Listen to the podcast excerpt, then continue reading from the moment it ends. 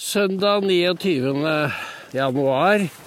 Jeg tror vi kaller dette innslaget for timeglasset.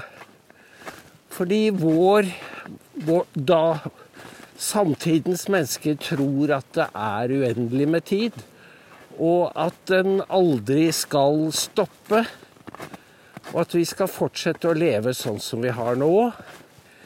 Og så vil de overbevise om at hvis vi går med på et grønt skifte, så kommer vi til å leve i en slags grønn e evighet, en paradisisk tilstand. Men eh, så betyr jo det å ofre ganske mange materielle goder, i hvert fall i, i en overgangsperiode. Og da må det brukes tvang. Og det er det våre myndigheter gjør. Og samtidig blir de da ufattelig rike. Og det er jo dette som gjør at tilliten til myndighetene og staten er ved å forvitre. For hvis disse politikerne og byråkratene skulle hatt noen troverdighet, så måtte de jo gått foran med et godt eksempel. Men tvert imot. De lar seg ikke affisere av innsparinger og dyrtid. De lever som før, og gjerne enda litt bedre. Vi har fått to Norger. Ett eh, av menneskene som lever på toppen, og så har vi folk nede i systemet, og mange av dem sliter. De sliter fysisk, de sliter økonomisk for å få endene til å møtes. Og det, det, de, det snakkes ikke om dem. Det refereres til dem i mediene i helt generelle vendinger. Men da jeg satt og snakket med en offentlig ansatt i går som fortalte hvordan det var i hennes kommune med vaskehjelper som tjener 350 i året, versus hennes jobb, som er 720 000 i året, og som eh, med to, rett på to hjemmedager i hjemmekontordager i uken. Gratis internett, gratis telefon.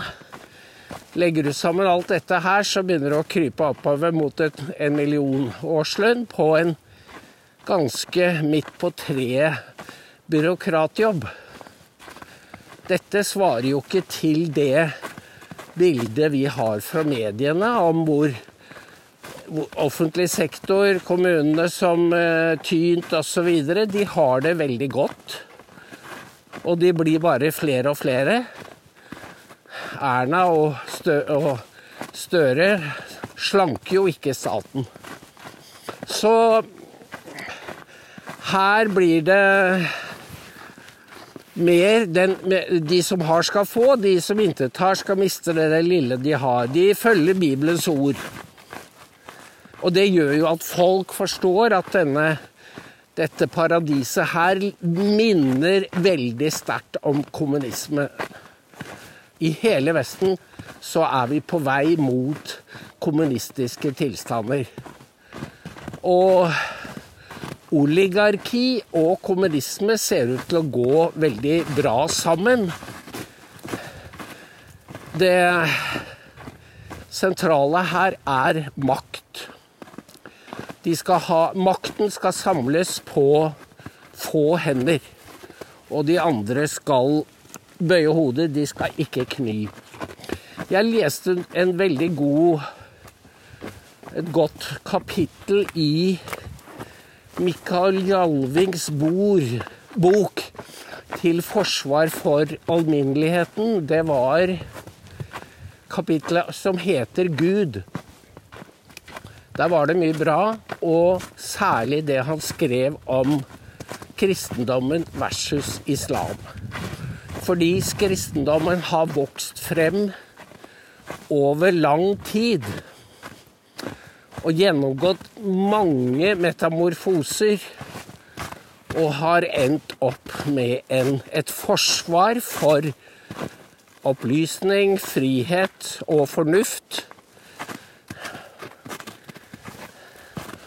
Og samtidig en tro på Der var jeg litt uenig med han, fordi han, han mener at lutheranismen har vunnet frem. Det er ikke jeg så sikker på. Jeg tror vel heller, tror heller at det er en form for opprinnelig kirke, en katolisisme renset for mye av det som nå strømmer ut fra Vatikanet.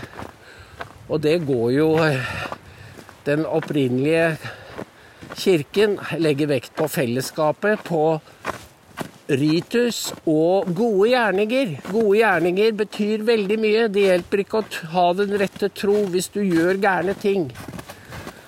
Men Skjalving sier kristendommens komplekse forhold til menneskenes verden, til vår historie, versus islam som har kun én forutsetning, og det er makt. Makt over menneskene og underkastelse. Og mye tyder jo på at den ble til fordi arabiske herskere ønsket seg en ideologi som kunne legitimere deres styre. Og da er det jo ikke sikkert Mohammed har levd. Og dette forsvars, forsvaret for han som det mest perfekte mennesket lukter jo litt svidd, for å si det mildt. Og det samme gjør dødsstraffen for frafall, dødsstraff for blasfemi. Alt dette tyder jo på at det er en veldig svak konstruksjon, konstruksjon som kun kan opprettholdes ved drakoniske straffer. Det var kloke ord av Jalving, for det sier seg selv at når islam da rykker inn i Vesten, så utsettes det for enorme påkjenninger. Og den vil trolig ikke overleve hvis, i dens nåværende form, i den ortodokse formen, hvis vestlige mennesker har tro men det har de jo ikke. Vestlige mennesker tror jo ikke på noen ting. Så det er alvorlig for islam, og det er alvorlig for vestlige mennesker. Og hva som kommer ut av dette sammenstøtet, det er ikke godt å si. Fordi våre politikere er jo helt både ryggløse og troløse. Og da, de har da sluppet løs en krig i Ukraina som eskalerer og går Det ser verre og verre ut for hver uke som går. Jeg skal ha en samtale med Alf R på TV i morgen. Og nå er det da den tyske utenriksminister som sier jo, vi er i krig med Russland. Det er jo en ren gavepakke til russerne.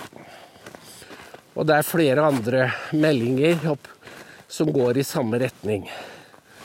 Vi hadde jo dette møtet på torsdag, og noen Jeg fikk et brev fra en, og det var kanskje flere som også mente at vi trodde dette skulle handle om Ukraina, og at en, vi lever i en førkrigstid. Og det var det også indirekte. Fordi vi kan ikke, det heter med et fint ord, operasjonalisere krigen uten at vi holder opp, uten at vi bruker flere timer på det. Og det har vi ikke. Fordi med så mye uvett som, som eh, daglig spres, så har dette preget hodene. Og man må bruke lang tid på å fastslå hva som er premissene. Og det det har vi ikke, men det vi alle sammen deler, er jo en opplevelse at vi lever i en krisetid. Og det er først og fremst en åndelig krise vi lever i. Så der Jeg er så glad for at folk kommer og sier takk for at dere presenterer kristne, kristendommen, Bibelen, på en uortodoks måte. Og jeg sendte i dag et brev til Einar Gelius. Jeg vet jo ikke om han kan eller får svar, fordi, men han hadde en veldig interessant utveksling med Sunniva Gylver. Hvor, som holdt på å bli biskop i Bergen, og sikkert blir det en dag, fordi biskop altså, et, en av bispedømmene, fordi det er den veien kirken går. Og Gelius sto både opp for kristendommen og rasjonaliteten, som jo er et toalen av samme stykke, fordi kristendommens historie handler om tekstforståelse. Det handler om logos. Det handler om utlegging av Bibelen. Hvordan den er blitt til. Og dette er vevd sammen i historiene om både Det gamle testamentet, som jo er vi deler med jødene, og det nye, som er historien om kanon. Altså hvordan disse fire evangeliene ble til. Her er tekstforståelse, historie, utlegning, tolkning og forståelse av Jesus Kristus og Guds ord er en historie med mange sider, og derfor så endte vi opp med den Bibelen vi har. Og alt kan virke til det gode. Man kan lese bibelkritikken på 1700-1800-tallet. Men man kan også lese vår tid, postmodernismen og det 20. århundres historie, som dekonstruksjon og destruksjon. Og våre myndigheter i dag gjør det. Destruksjonen har kommet tilbake, og hvis vi skal overvinne den, så må vi stå opp for den riktige utlegning som har et fundament som er i Kristus og i, i historien. Jeg har begynt å lese Bibelen igjen, og jeg må jo si at det, det er Det er som å lese om Jesus og, og fortellingene på nytt. Og samtidig begynte jeg å lese på Njåls saga i går.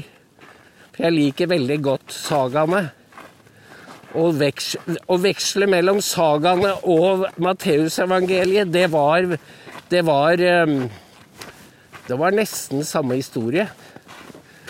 For der Jesus er jo en Det er jo ham med stor H.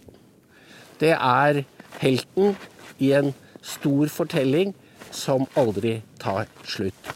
Takk for i dag.